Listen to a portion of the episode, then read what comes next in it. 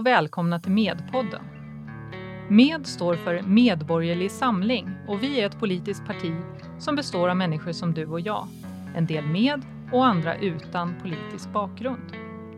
Vi har samlats för att vi vill göra en insats för Sveriges framtid. Och vi som gör den här podden jobbar helt ideellt. Dagens gäst är Tristan Tempest, skolpolitisk talesperson för Medborgerlig Samling. Välkommen Tristan! Tack, det är kul att vara här. Vilket fantastiskt namn du har. Ja, det är mina romantiska föräldrar med Shakespeare och Wagner. Eh, Tristan, vem är du och vad har du för bakgrund? Jag är lärare. Jag har undervisat i gymnasieskolan i många år, även på högstadiet. Och jag har också varit skolledare. Annars så är mitt stora intresse filosofi, framförallt moralfilosofi och politisk filosofi som jag skriver en fackbok i när jag har ledigt.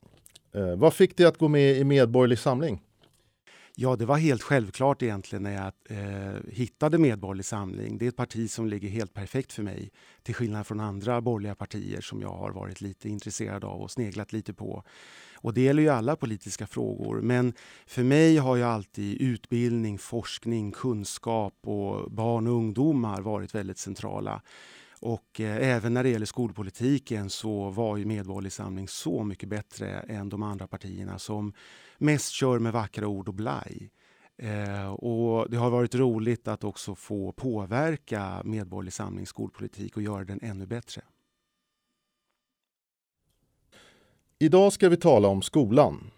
Alla vet ju att den inte fungerar så bra.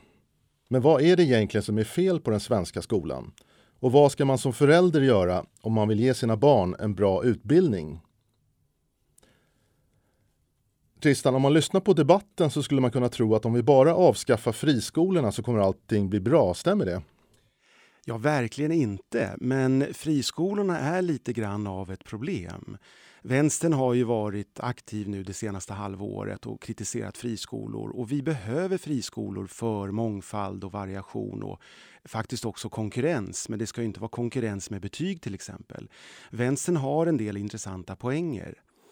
Till exempel när det gäller skolpengen som eh, tidigare var lägre för friskolor, och vilket var helt berättigat därför friskolorna har inte samma uppdrag som kommunala skolor har. Och sen så höjdes eh, andelen då så att friskolor får lika mycket skolpoäng och, och, det är lite tokigt och då kan det ju bli enorma vinster till eh, friskolekoncerner och så.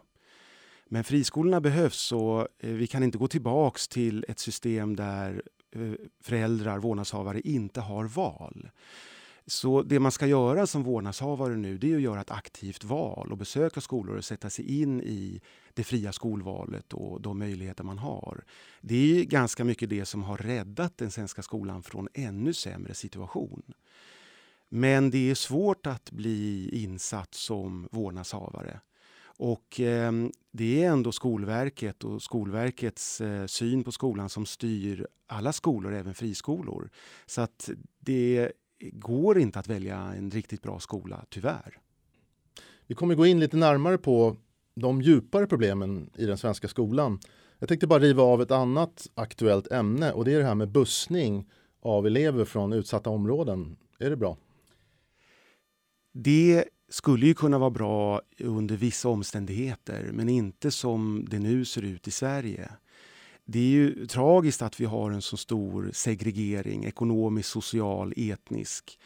Men när skolor i utsatta områden, särskilt utsatta områden, behöver läggas ner därför att det är så mycket stök och det är så dåliga resultat så löser man inte problemet med bussning till fungerande verksamhet. De skolor som fungerar, de måste få jobba vidare ostört. Eh, den här bussningen är tyvärr ett hot mot den utbildning som medelklassen så mycket behöver. Och vad vi istället behöver det är egentligen en större nivågruppering i skolan och det lär vi prata mer om senare. Hur upplever du skolan från din horisont som lärare? Jag tycker att skolan på många sätt är fantastisk. Jag älskar mitt arbete, jag går till jobbet med leende på läpparna och jag har kollegor som är stressade och utarbetade och känner att eh, jobbet är tufft. Jag har aldrig egentligen upplevt det på det sättet. Jag vet inte varför jag upplever annorlunda än mina kollegor på samma skola. Men för mig är det väldigt spännande och givande men problemet är ju direktiv uppifrån och utifrån. Det är riksdagen, det är Skolverket, det är Skolinspektionen som sätter käppar i hjulet på många sätt. Vad är det egentligen för fel på svenska skolan? Ja, det kan man prata länge om och, och, det är många som har gjort och jag delar ganska mycket den synen som många har. Men jag skulle vilja göra lite grann en historisk tillbakablick. Om vi går tillbaks till eh, tidigt 60-tal, till och med 50-tal så fungerade den svenska skolan bra på de flesta sätt. Det var hög kvalitet. Men be skolan behövde utvidgas och eh, utbildningen behövde eh, utökas i, i befolkningen. Och det fanns ju problem också med snedrekrytering där det inte bara var de eh, skarpaste hjärnorna som gick vidare till eh, gymnasieskolan utan det var ju mycket rikemansbarn och så. Socialdemokraterna hade ju eh, en berättigad idé om att vi behöver förändra skolan. Problemet är när skolan har förlängts och utökats Eh, det är att den tidigare utbildningen den har man då lagt ner. Ehm, till exempel så kunde man på 60-talet läsa eh, matematik på gymnasiet på det som nu motsvarar universitetsnivå. Det kan man inte längre göra. Så när eh, gymnasiet skulle bli mer en skola för alla, då la man inte till för eh, elever matematik på deras nivå och, och bibehöll den höga nivån som man tidigare hade haft för de starkaste. Utan man sänkte nivån så att den här eh, avancerade nivån inte längre fanns. Och hela tiden har det varit, varit så med alla utbildningsreformer sedan dess.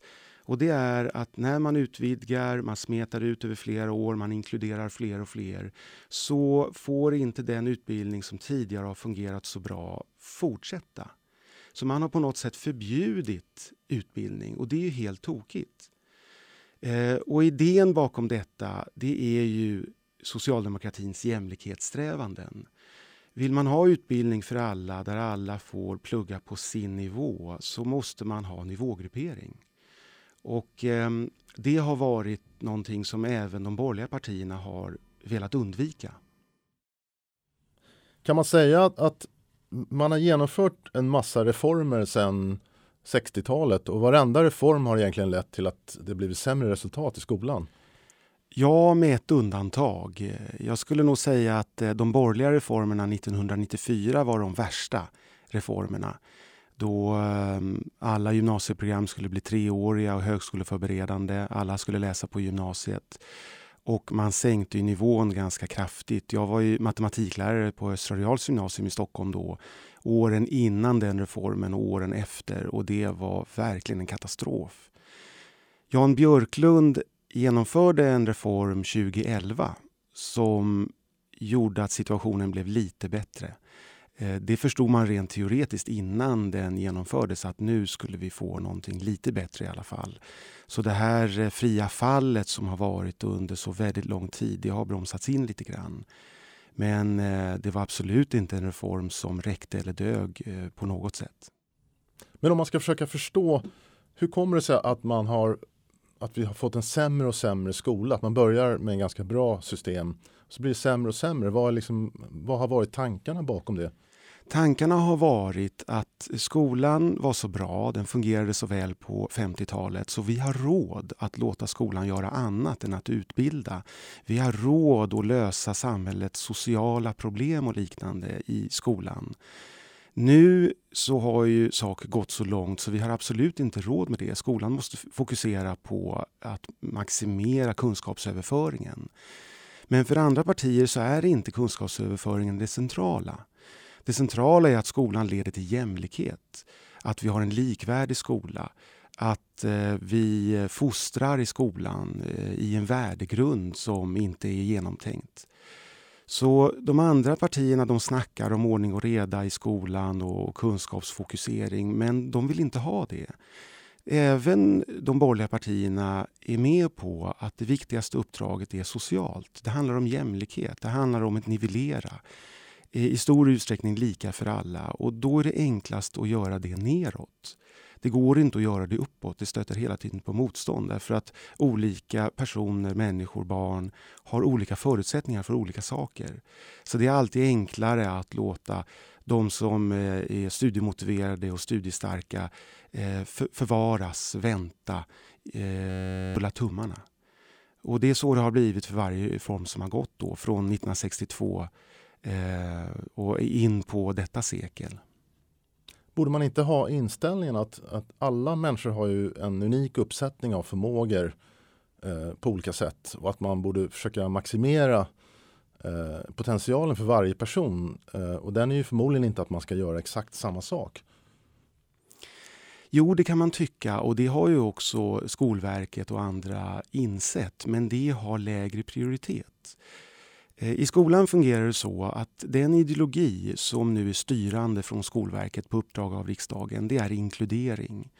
Och det innebär att man inte ska åtskilja elever och ha olika nivåer och olika grupper baserat på motivation och förmåga och liknande. Utan alla ska med. Vi har total inkludering. Det enda som är undantaget är särskolan. Eh, om de skulle inkluderas också så skulle det absolut inte fungera. Men när man väl har då inkludering och alla elever oavsett förmåga och liknande eh, ska undervisas tillsammans, då har man inte så mycket undervisning kvar. Utan då sätter man eleverna i arbete och, och de får lära sig själva. Men framförallt leder det till någonting som har gått helt överstyr de senaste åren och det är extra anpassningar. Det är en raskt ökande andel av eleverna som har rätt till särskilda extra anpassningar i klassrummet. Och Det är också en förklaring till att lärarna inte undervisar så mycket längre. Därför att det är flera elever som kräver att läraren anpassar sin undervisning på olika sätt och det ska ske individuellt. Och det fungerar inte i klassens ram. Och Som vanligt så skulle nivågruppering lösa de här problemen rakt av. Men det är den stora ondskan därför att nivågruppering skulle innebära att även om alla vinner på det och även de svaga och omotiverade eleverna skulle vinna och få undervisning på sin nivå så kommer de starka eleverna, de studiemotiverade eleverna att vinna mer på det. Alltså leder nivågrupperingen till mer ojämlikhet. Men alla lär sig mer därför man får undervisning på sin egen nivå. Och att även borgerliga partier är emot detta visar att de har blivit så pass röda att de prioriterar jämlikhet före resultat. Vad händer med ett sånt här system om man tar in elever som kan väldigt lite om alla ska med? Ja, det blir ju så viktigt enligt den ideologi som styr att alla ska kunna få godkänt, att alla ska kunna nå målen. Så lärarna behöver satsa väldigt mycket på de svaga eleverna och man tänker sig att de starka eleverna de klarar sig ändå. För det viktiga är att uppnå målen, det vill säga godkänt. Men de målen är ju inte riktiga mål. De är dessutom satta väldigt lågt. Det är nöjdhetsgränser som är alldeles för lågt satta för att någon ska vara nöjd. Så det, det funkar absolut inte. Är det också så att man har bytt syn? Alltså som lekman så antar man ju att man går i skolan för att lära sig någonting. Men i själva verket så har skoletablissemanget sedan ganska många tiotals år haft en helt annan inställning till det. Ja, kunskaper och inlärning och förståelse det är underordnat i skolan idag. Det handlar mycket om att eleverna ska bibringas självförtroende och det är alla möjliga olika sådana mål som skolan har. Och det är ju klart att vi har ju stora problem i samhället, ekonomiska, sociala problem och de måste lösas. Men det är inte barnen som ska betala priset för det. Det är inte Sveriges barn som ska lösa de stora samhällsproblem med segregering som vi har. Varje elev ska ha rätt att få undervisning på sin nivå och den nivån är väldigt olika. Och fram till 80-talet så fungerade det ganska bra att ha en sammanhållen skola. Men det gör det inte längre. Det är en enorm segregering vi har i samhället med eh, till exempel väldigt bristande förmåga i svenska språket. Och det gör gemensam undervisning enormt svår. Är det inte så att om man inte undervisar då blir det ju ännu mer darwinistiskt att har man bra förutsättningar så kommer man klara sig och har man dåliga kommer det gå dåligt. Eh, alltså är det inte så att man själva förvärrar segregationen eh, Eh, med den här typen av idéer som man har nu? Så är det verkligen. Och det är det som är tragiskt. För att Socialdemokraterna som hade goda intentioner på 50 och 60-talet när de ville bredda utbildningen, inte bara till de som hade akademikerföräldrar och var rika utan även till arbetarbarn som hade goda förutsättningar. Det är just de idealen som nu har helt uppgivits. Så de rika och övre medelklassen och så, de ser ju till att fixa det här ändå med det fria skolvalet, med privatundervisning och, och läxhjälp och alla möjliga saker. Och, och där är det ofta så att vårdnadshavarna också kan hjälpa till med skolan hemma. Medan eh, elever då som bor i utsatta områden eller inte har alls någon akademisk bakgrund i familjen, det är de som kommer i kläm.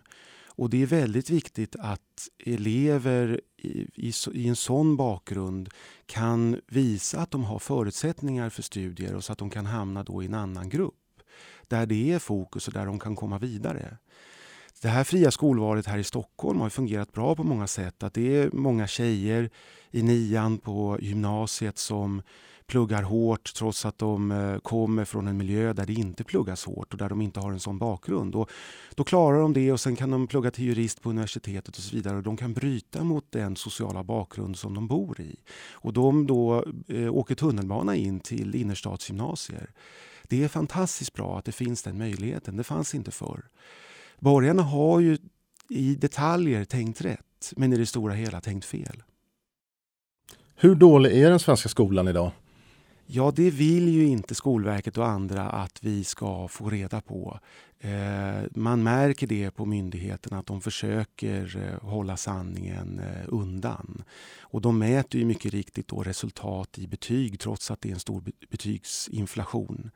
Vår utbildningsminister hon sa till exempel när resultaten efter coronavårterminen då hade kommit in att eh, den här distansundervisningen på gymnasiet har tydligen lett till att det blir bättre resultat. När vi egentligen vet att distansundervisningen har gjort det lättare för eleverna att fuska. Och därför har de fått bättre resultat då i form av betyg. Det är helt tokigt och, och det är så det alltid låter uppifrån. Det är ingen verklighetskontakt. Eh, det, det är verkligen hårresande och skrämmande. Det, det har ju också gått bra i sådana här internationella jämförelser som de här PISA-testerna.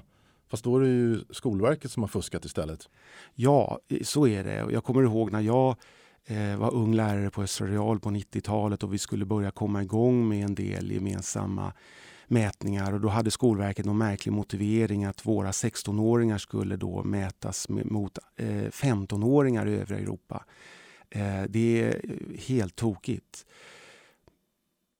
Är det så att, att det blivit så illa att man nu fokuserar på att försöka dölja problemen snarare än att försöka, man tror inte ens att man kan förbättra situationen? Ja, i stor utsträckning är det nog så att man vill dölja problem. Man vill inte ha riktiga mätningar. Och eh, betygsinflationen har ju tidigare varit enormt stor och det är inget mått på att saker blir bättre.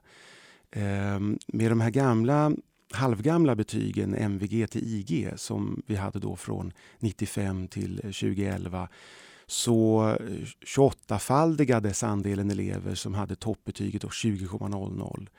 Och eh, gymnasielärarna bland annat, ja vi vet ju att resultaten egentligen gick långsamt ner under den tiden. Eh, ibland ganska snabbt ner. Men det har ju alltid gått dåligt eh, i PISA-undersökningar sämre och sämre och det var i stort sett fritt fall under en del år. Men visst, efter eh, reformerna 2011 så har det bromsats upp och blivit till viss del lite bättre. Men det är fortfarande katastrofresultat. Vad innebär det för ett land som Sverige att vi har ett undermåligt utbildningssystem? Ja, det blir ju en katastrof i längden därför att vi har en sån ekonomi, ett sånt näringsliv att vi är beroende av eh, fungerande utbildning. Vi konkurrerar ju globalt och eh, det får vi svårare och svårare att göra. Eh, jag tänker mig att eh, den stora medelklassen i Indien, de går ju om oss i intellektuell kapacitet och liknande. Och då kommer inte Sverige kunna bibehålla sin rikedom.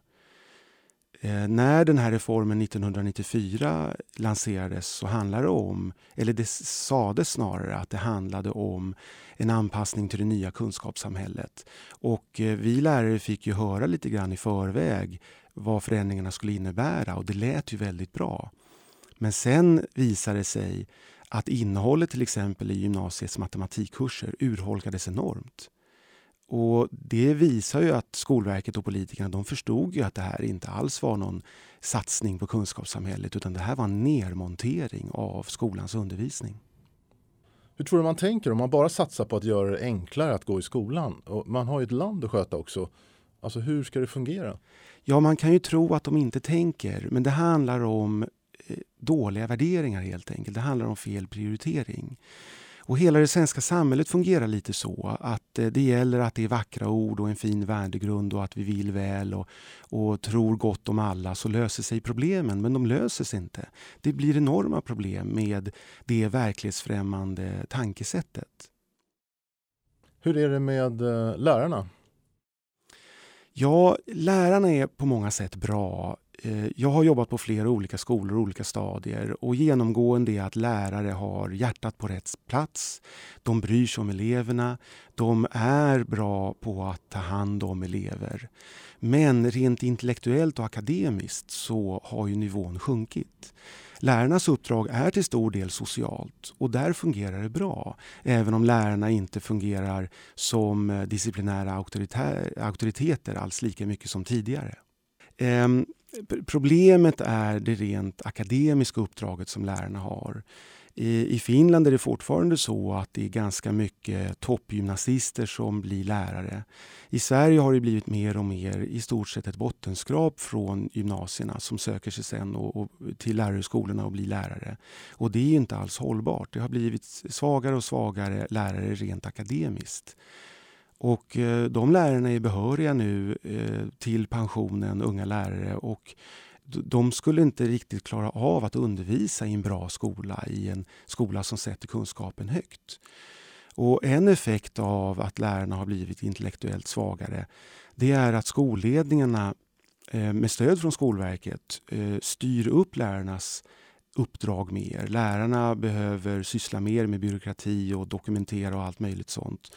Man kan inte lita längre på lärarna fullt ut, att de sköter sitt jobb. Och Det här gör ju att gamla lärare som mycket väl klarar att sköta sitt jobb, de blir ju trötta på pekpinnar och kontroll och sådana saker.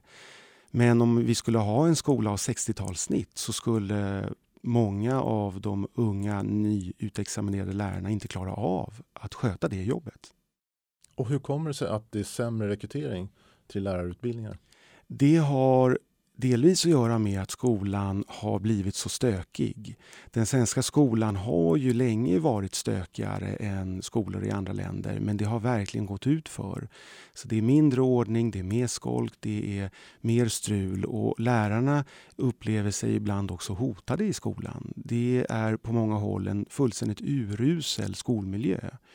Och här har vi akademiker som har tagit studielån för att plugga till ett akademiskt jobb. Och så får de en urusel skolmiljö. Så förutom nivågruppering så är Medborgerlig Samlings eh, näst viktigaste Eh, drag för att rädda skolan det är att inte bara snacka om ordning och reda utan också ha konkreta förslag som kan leda till att vi får studiero i skolan. Nivågrupperingen skulle hjälpa till lite grann men bara en drastisk åtgärd är att vi vill att lärare ska ha en rättslig ställning som motsvarar ordningsvaktsförordnande. Och Det är en tydlig signal om att lärare inte behöver vara rädda och oroliga för att de kommer att hamna i domstol för att de sköter sitt jobb och till exempel flyttar på en elev som sitter i en soffa som han har blockerat dörren till klassrummet med. Varför har det blivit så stökigt menar du? Det har att göra med att alla i skolan märker ju att det är mer och mer en Potemkin-kuliss. Det är mer och mer spel för gallerierna. Det är lite som i Sovjetunionen där ryssarna kunde skämta om att de där uppe de låtsas betala oss och vi i fabrikerna vi låtsas arbeta. Det var skenverksamhet och så är det med skolan idag. Det är skenverksamhet. då eleverna de underpresterar något enormt och vet att lärarna mer eller mindre måste sätta godkänt på dem. Och De kör ett chicken race mot lärarna där de presterar sämre och sämre och lärarna måste eh, låta sämre och sämre resultat passera. Det är eh, en hopplös situation. Men det finns ju massor med elever som pluggar jättehårt. Det är väldigt mycket stress i skolan, framförallt i nian och på gymnasiet. Det är många skötsamma som stressar. Men det de sliter så hårt med, att lämna in massor med texter och saker, är inte så mycket kunskap egentligen utan det handlar om att uppnå betygskriterierna, de så kallade kunskapskraven. Men det är ganska mycket blaj om man tittar lite närmare på dem. Och Det är ofta eh, de här elevernas föräldrar som hjälper till ganska mycket med de här texterna som ska skrivas hemma och lämnas in och betygsättas. Det är djupt orättvist. Men eh, slitet i skolan är inte särskilt rätt riktat. Det är inget fokus på riktiga kunskaper. Tror du, att vi, tror du att vi kan vända på det här? Kan vi få en bra skola som i Sydkorea eller Singapore? Jag tycker att det ser väldigt mörkt ut därför att svenska föräldrar, svenska väljare är inte medvetna om vad som har hänt och varför. Om Medborgerlig Samling skulle få inflytande i riksdagen och i många kommuner som driver skolor och om vi skulle lyckas väcka de andra borgerliga partierna, då skulle vi definitivt kunna göra någonting. Det här går ju att vända så länge de värderingarna finns. Om att vi ska sluta dalta. Vi ska ha en riktig skola som inte handlar huvudsakligen om att må bra, utan som handlar om att lära ut och att lära sig.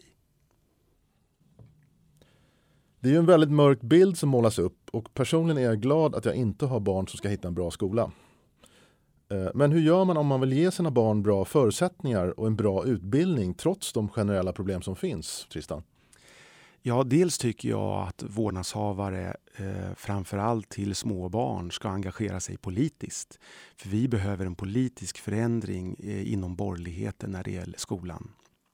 Men man vill ju ha en bra utbildning för sina barn och då gäller det att vara aktiv när det gäller det fria skolvalet och undersöka ordentligt, besöka skolor. Det har jag gjort som vårdnadshavare. Och eh, man märker när man pratar med skolledare och lärare och så hur eh, skolan fungerar. Och det är väldigt stor skillnad på olika skolor. Jag tycker att det är väldigt bra att det finns en mångfald och att det finns ett fritt skolval. Men det är många som inte engagerar sig, som inte har kunskaper och förmåga till exempel ehm, invandrarföräldrar som bryr sig jättemycket om utbildning och som vill uppfostra sina barn strängt och ordentligt. De har det svårt. De har inte riktigt eh, den insynen i samhället och det är svårt för dem att göra ett bra val. Men om vår politik skulle vara Sveriges politik i skolan så skulle ju alla elever som visar god motivation, som sköter sig, som gör sitt bästa och som också får bra resultat, de skulle hamna Eh, tillsammans med andra elever i klassrummet som är likadana, som också vill sköta sig, som vill plugga och som har goda förutsättningar att få bra resultat. Och då så är det stjärnorna som är målet. Det är bara att köra på. Eh, jag undervisar på spetsutbildningen i matematik och det fungerar fantastiskt bra ofta. Vi eh, lär eh, högstadieelever gymnasiematematik till viss del och jag undervisar dem i formell symbolisk logik, matematikens grundvalar, bevisföring och sådana saker. Och det går jättebra. Men om man nu är där nu, alltså säg att mina barn ska börja gymnasiet. Eh, det är för sent, jag kan inte engagera mig politiskt, det kommer ta tid. Vad ska jag göra just nu? Är det inte så att jag måste fokusera på en skola där de, de ger jättebra betyg? Till viss del är det så, därför att skolan handlar ju mycket om att eh, det man har på pappret är viktigare än det man har i huvudet. Och det är en, en tragisk idé.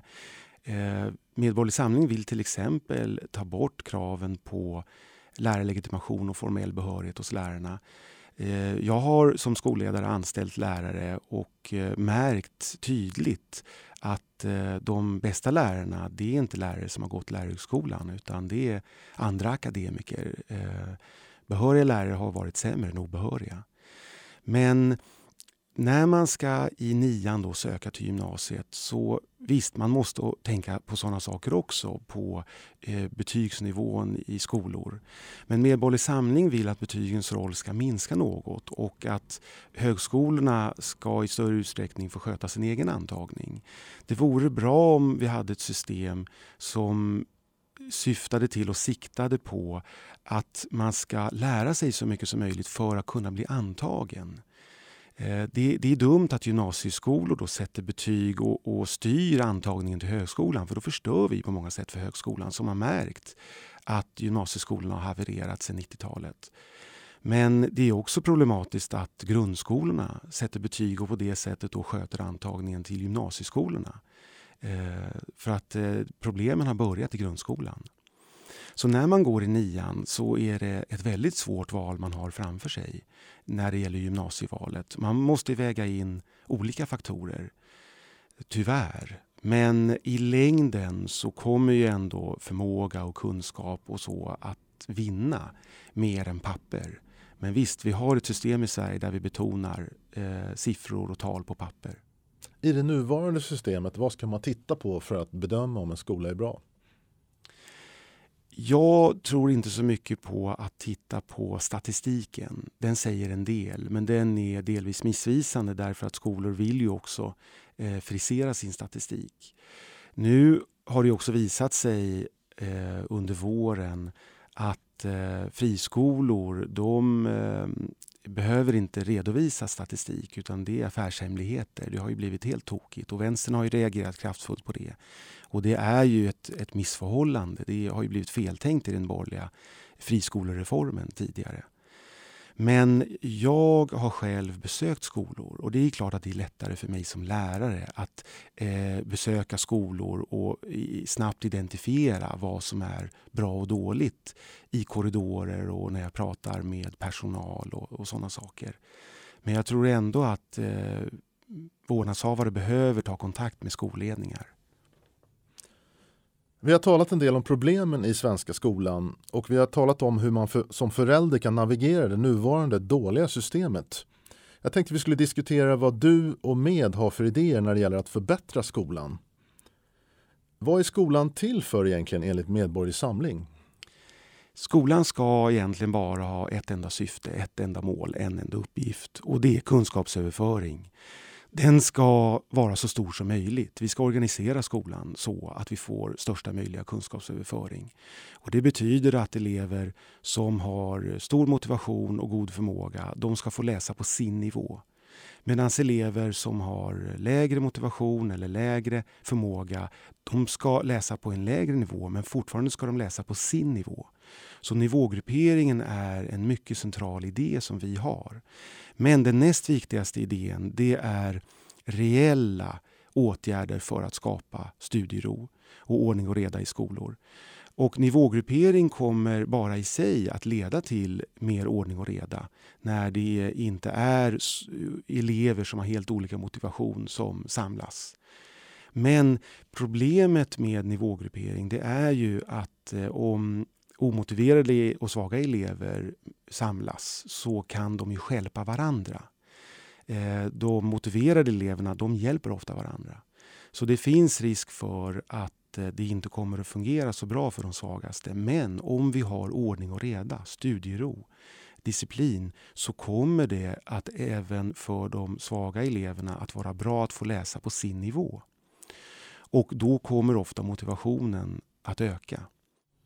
Behöver alla elever vara inriktade på teoretiska ämnen? Det är väl lite så den ambitionen man har nu. Men en del är ju praktiskt inriktade. Ja, det har ju blivit helt tokigt från framförallt vänsterns men även den borgerliga sidan att alla ska kunna bli akademiker. Eh, alla behöver inte vara akademiker.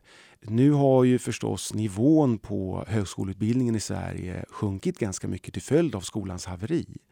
Men eh, vi vill ju ha mer yrkesutbildning och det är ingenting fel med att skaffa sig en yrkesutbildning Ehm, på gymnasiet eller senare. Det behöver inte vara så teoretiskt. Och det stora problemet var ju reformen 1994 när all gymnasieutbildning skulle bli treårig och högskoleförberedande.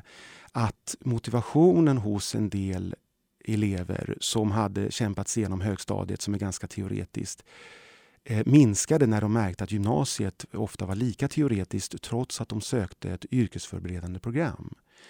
Så vad som egentligen skulle vara bra det är att redan högstadiet var lite mer differentierat med en del som skulle vara ungefär som högstadiet är nu med en allmänbildande blandning av både praktiska och teoretiska ämnen.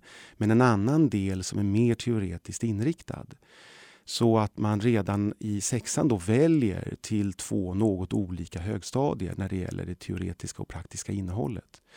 Men framförallt så behöver man ju förbättra de yrkesförberedande programmen på gymnasieskolan med mer lärlingssystem och eh, motsvarigheten till en studentexamen, nämligen en yrkesexamen där det ingår gesällprovsliknande inslag. Eh, Socialdemokraterna, som är vårt, som är vårt gamla arbetarparti de har ju tappat stoltheten i vanliga hantverksyrken och kroppsarbetaryrken. Det är ingenting fel med sådana och de måste få en gedigen utbildning. Och eh, teoretisk utbildning passar inte för alla. Det är ju klart att alla i skolan ska lära sig teoretiska färdigheter i form av att läsa och skriva och räkna och liknande.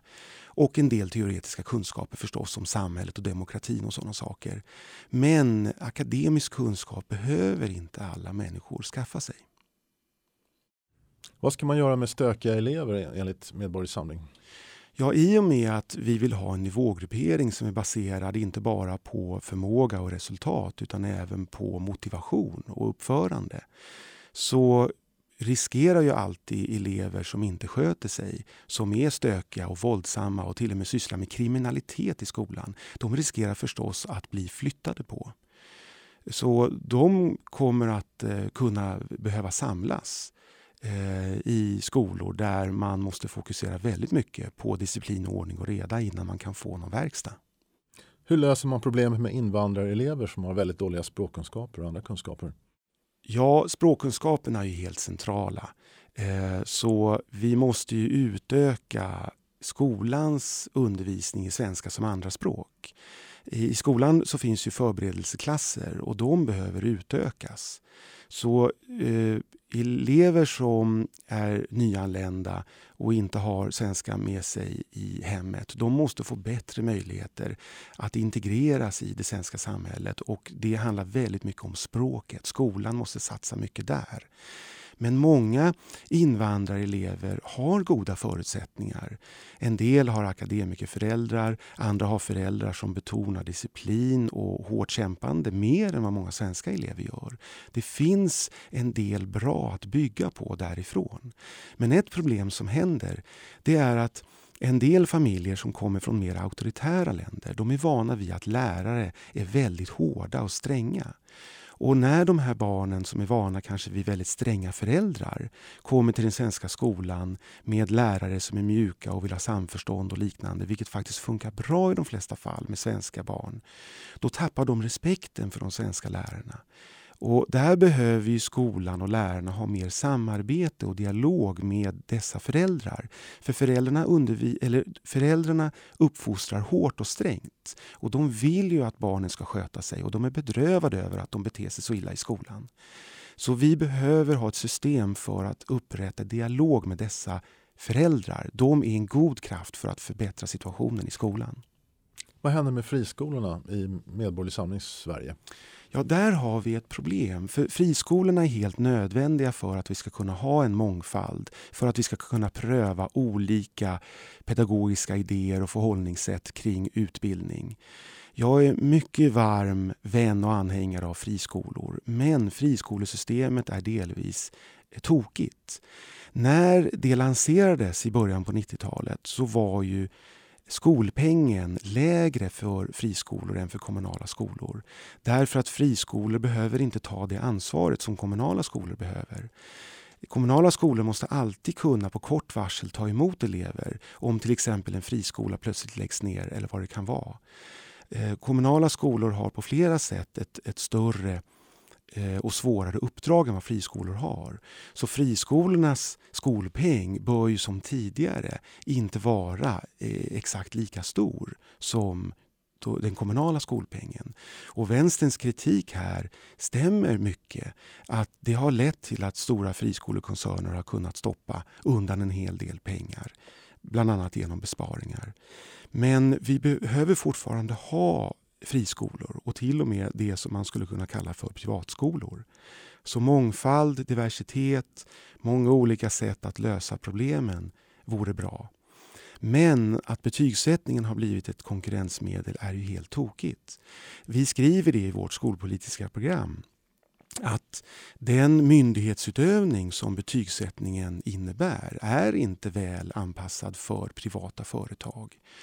Och eh, det är inte bara i friskolor, men överlag är det så att det är inte bara eleven själv som gärna vill ha ett oförtjänt högt betyg. Vårdnadshavarna vill det också. Men till och med skolledningen, till och med huvudmannen eh, och till och med lärarna kan ibland vilja sätta oförtjänt höga betyg. Det är ungefär som att alla tjänar på det och det finns inget incitament för att hålla detta nere. Så systemet är ju feltänkt och behöver tänkas om. Och varför ska man inte få höga betyg då? Därför att betygen till syvende och sist används ju för utsållning.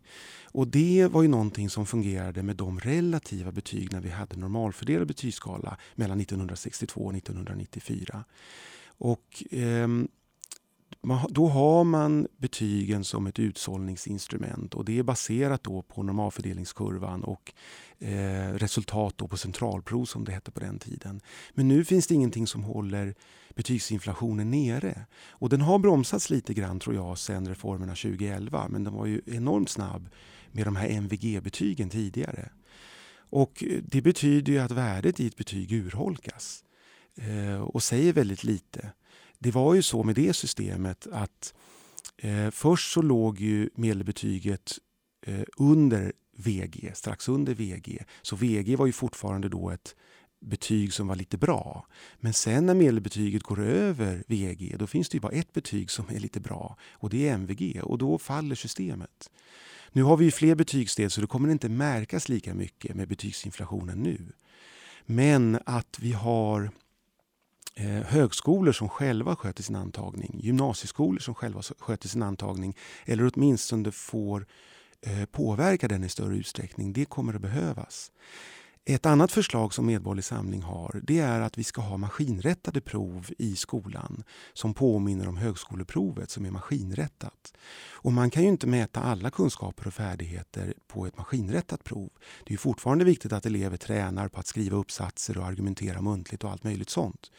Men en hel del kan mätas den vägen, snabbt och enkelt. Och det vill vi göra från tredje skolåret ända upp till och med gymnasiet. Det nuvarande skoletablissemanget är ju till stor del ansvariga för dagens dåliga skola. Hur kan vi reformera dem och få dem att ställa sig bakom en återgång till en kunskapsskola? Ja, det är inte lätt, men man måste börja ganska mycket med skolledarna. Med rektorerna framför allt, som har ett väldigt stort inflytande på sin skola.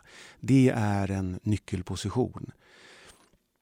Men vi har ett problem med många nyutexaminerade lärare behöriga och legitimerade lärare som själva var svaga på gymnasiet och på högstadiet och som har haft problem med inlärning. Och det är inte helt fel med den bakgrunden för vi lärare ska ju hjälpa elever som har problem.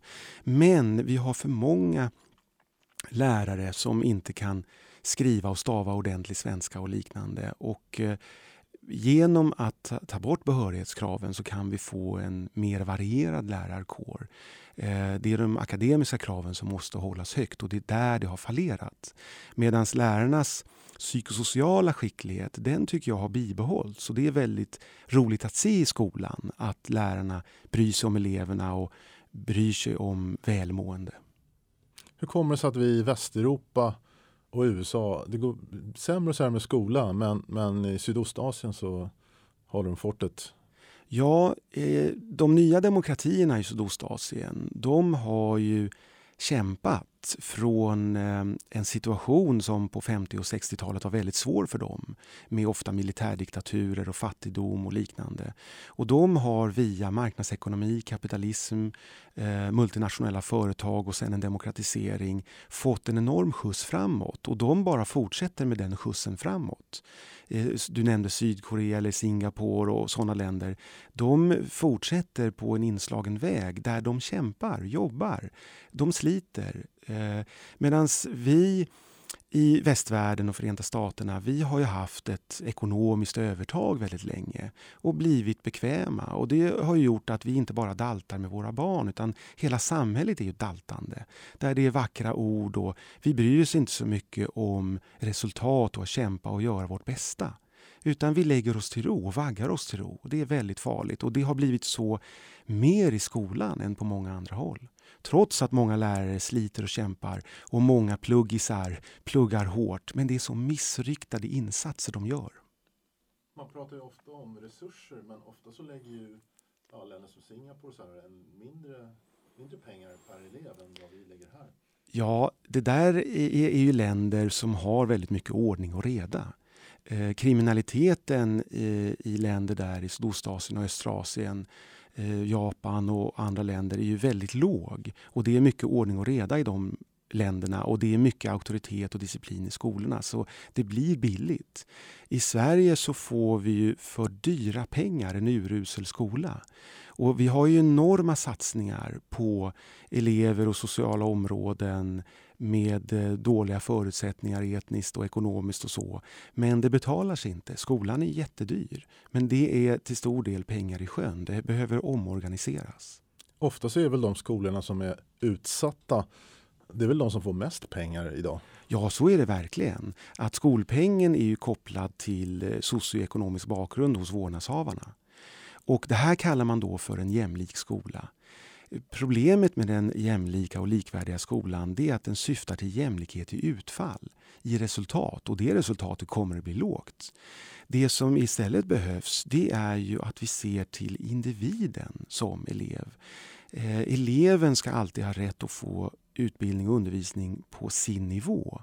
Och eleverna ska få nära nog lika mycket resurser. Och så får alla plugga. Det är ju jättebra om svaga och omotiverade elever pluggar. Men vi ska ju inte ha ett system som gör att inte de starka och motiverade eleverna också får plugga och jobba på sin nivå. Så det behövs mer jämlikhet på det sättet med eh, ungefär lika mycket skolpeng till varje elev. Man försöker ge varje elever lika bra förutsättningar snarare än att alla ska vara lika dåliga? Eller hur kan man sammanfatta det? Ja, det, det, den här jämlikheten, den likvärdiga skolan, handlar ju om att man gärna vill att resultaten ska vara lika bra. Och det betyder att man vill kompensera för sämre förutsättningar som vissa elever har. Så ge dem, genom att ge eleverna helt olika ekonomiska resurser i skolan så vill man kompensera för den eh, varierande socioekonomiska bakgrunden som vårdnadshavarna har. Så skolan är väldigt kompensatorisk därför att man vill kompensera för olika förutsättningar så att det blir jämlikhet i slutändan. Vi vill inte ha någon jämlikhet i slutändan. Vi vill ha så höga resultat som möjligt och att varje elev ska få studera på sin egen nivå. Vilka ämnen ska man läsa i skolan? Man ska läsa massor med ämnen. Eh, från skolstarten och flera år framåt, till och med sexan, så vill även Medborgerlig Samling ha en sammanhållande, sammanhållen skola där alla lär sig, lär sig grundläggande akademiska färdigheter, skriva, läsa, räkna, eh, både svenska och engelska och en del andra färdigheter och kunskaper. Men sen så behövs ju en diversifiering, en, eh, en varierande... Eh, ja, det behövs en en möjlighet att läsa olika ämnen. Det satsas ju väldigt mycket på de så kallade 12-årsämnena svenska, engelska och matematik. Och visst är de viktiga, för de innehåller färdigheter och inte bara kunskaper. Och de är grundläggande. Men alla behöver inte lära sig matematik på gymnasienivå.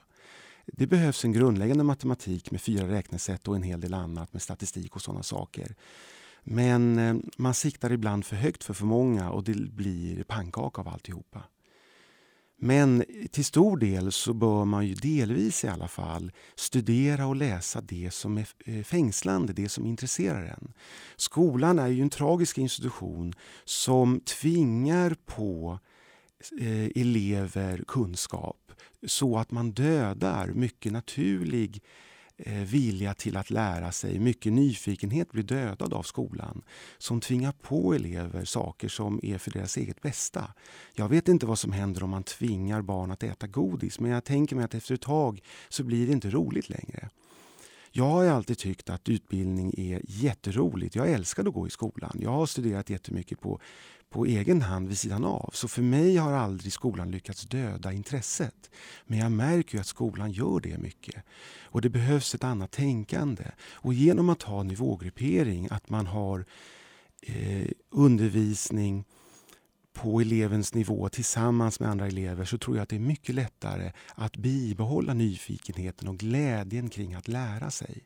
Där har skolan verkligen misslyckats och det gäller verkligen inte bara Sverige. De flesta som lyssnar på det här tycker nog att det här låter ju väldigt vettigt. Och ändå händer det inte. vad finns det för möjligheter att genomföra det här? Ja, det behövs ju en annan politisk styrning i Sverige. Det här går inte att genomföra om inte Medborgerlig Samling Eh, får ett inflytande i riksdagen och i kommuner. Eh, vi behöver också påverka de andra borgerliga partierna att ta sig i kragen och inse att de har egentligen lallat vidare i en röd riktning och de måste vakna upp. Hur kommer det sig att de borgerliga partierna alltså, har en så här dålig skola där, där, som handlar om att man ska jämna ut, man ska dölja resultat och det är dåligt för landet. Det är jättekonstigt egentligen. Ja, och det är också konstigt att Socialdemokraterna har bidragit till denna skola. Så Socialdemokraterna har ju varit både ett arbetarklass och ett medelklassparti. Så det är framförallt medelklassen och arbetarklassen som behöver utbildning och de har schabblat partierna som traditionellt har företrädet Eh, företrätt dessa samhällsklasser. Och det är jättesvårt att förstå, det känns obegripligt. Men det handlar om att högern har lurats in i idén om jämlikhet. Ta till exempel ordet rättvisa. Förr i tiden så betydde rättvisa motsatsen till jämlikhet. Att skipa rättvisa det är ju inte att fördela straffen jämlikt. Att skipa rättvisa är ju att brottslingarna ska få straff och de som inte har gjort någonting ska slippa straff. Det är alltså ojämlikhet. Och rättvisa betyder egentligen att få skörda frukten av sitt eget arbete. Och det är ju ett klassisk högerpolitik medan vänstern vill ha jämlikhet. Men i Sverige så betyder rättvisa jämlikhet. Vänstern har tagit högerns ord och gjort det till en synonym för vänstern. Och högern bara tittar på. Det är helt galet hur lam och dålig högeropposition Sverige haft under det socialdemokratiska seklet sedan demokratins genombrott. Och hur stor segregationen är idag jämfört med hur den var för hundra år sedan? Ja, det är ett stort problem förstås. Då hade vi en segregation baserad på samhällsklass och inkomst och det var ett problem som Socialdemokraterna tog upp och som vi huvudsakligen åtgärdade. Men den segregering vi har nu, den är inte bara socioekonomisk, den är också etnisk och den är djupt tragisk. Jag har själv bakgrund från Storbritannien och Finland. Ehm, min, mina släktingar pratar inte svenska. Det var ett främmande språk för mig när jag var liten. Men jag fick gå i en skola som fungerade. Eh, och eh, jag lärde mig svenska alldeles utmärkt i, i, i, skolan. Men nu så har segregationen blivit enorm. Och det tragiska är också att vi behöver till viss del behålla segregationen för att vi ska ha fungerande bostadsområden, fungerande uppväxt för barn och fungerande skolor. Därför att det är katastrof i många utsatta områden. Inte bara med skolorna utan mycket annat.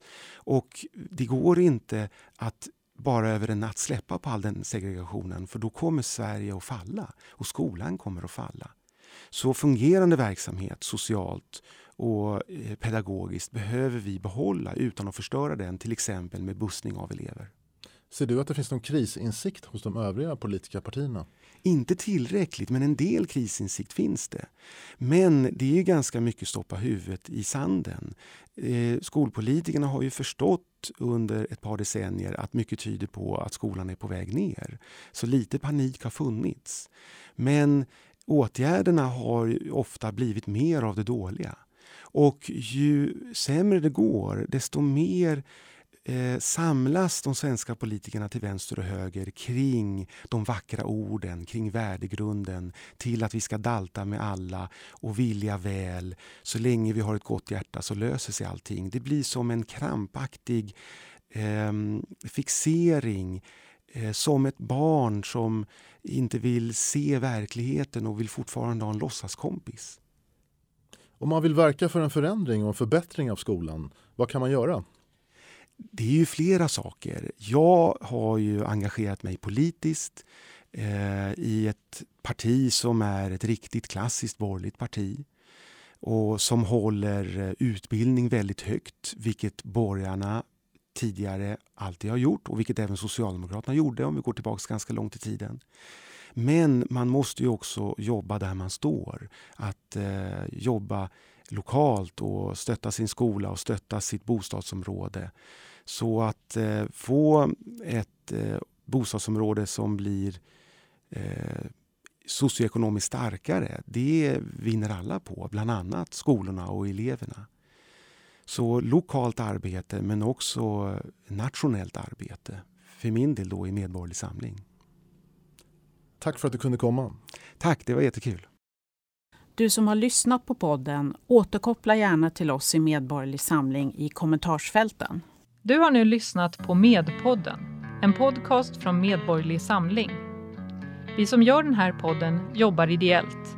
Och om du vill stödja Medpodden får du gärna göra det via swishnummer 123 094 0197.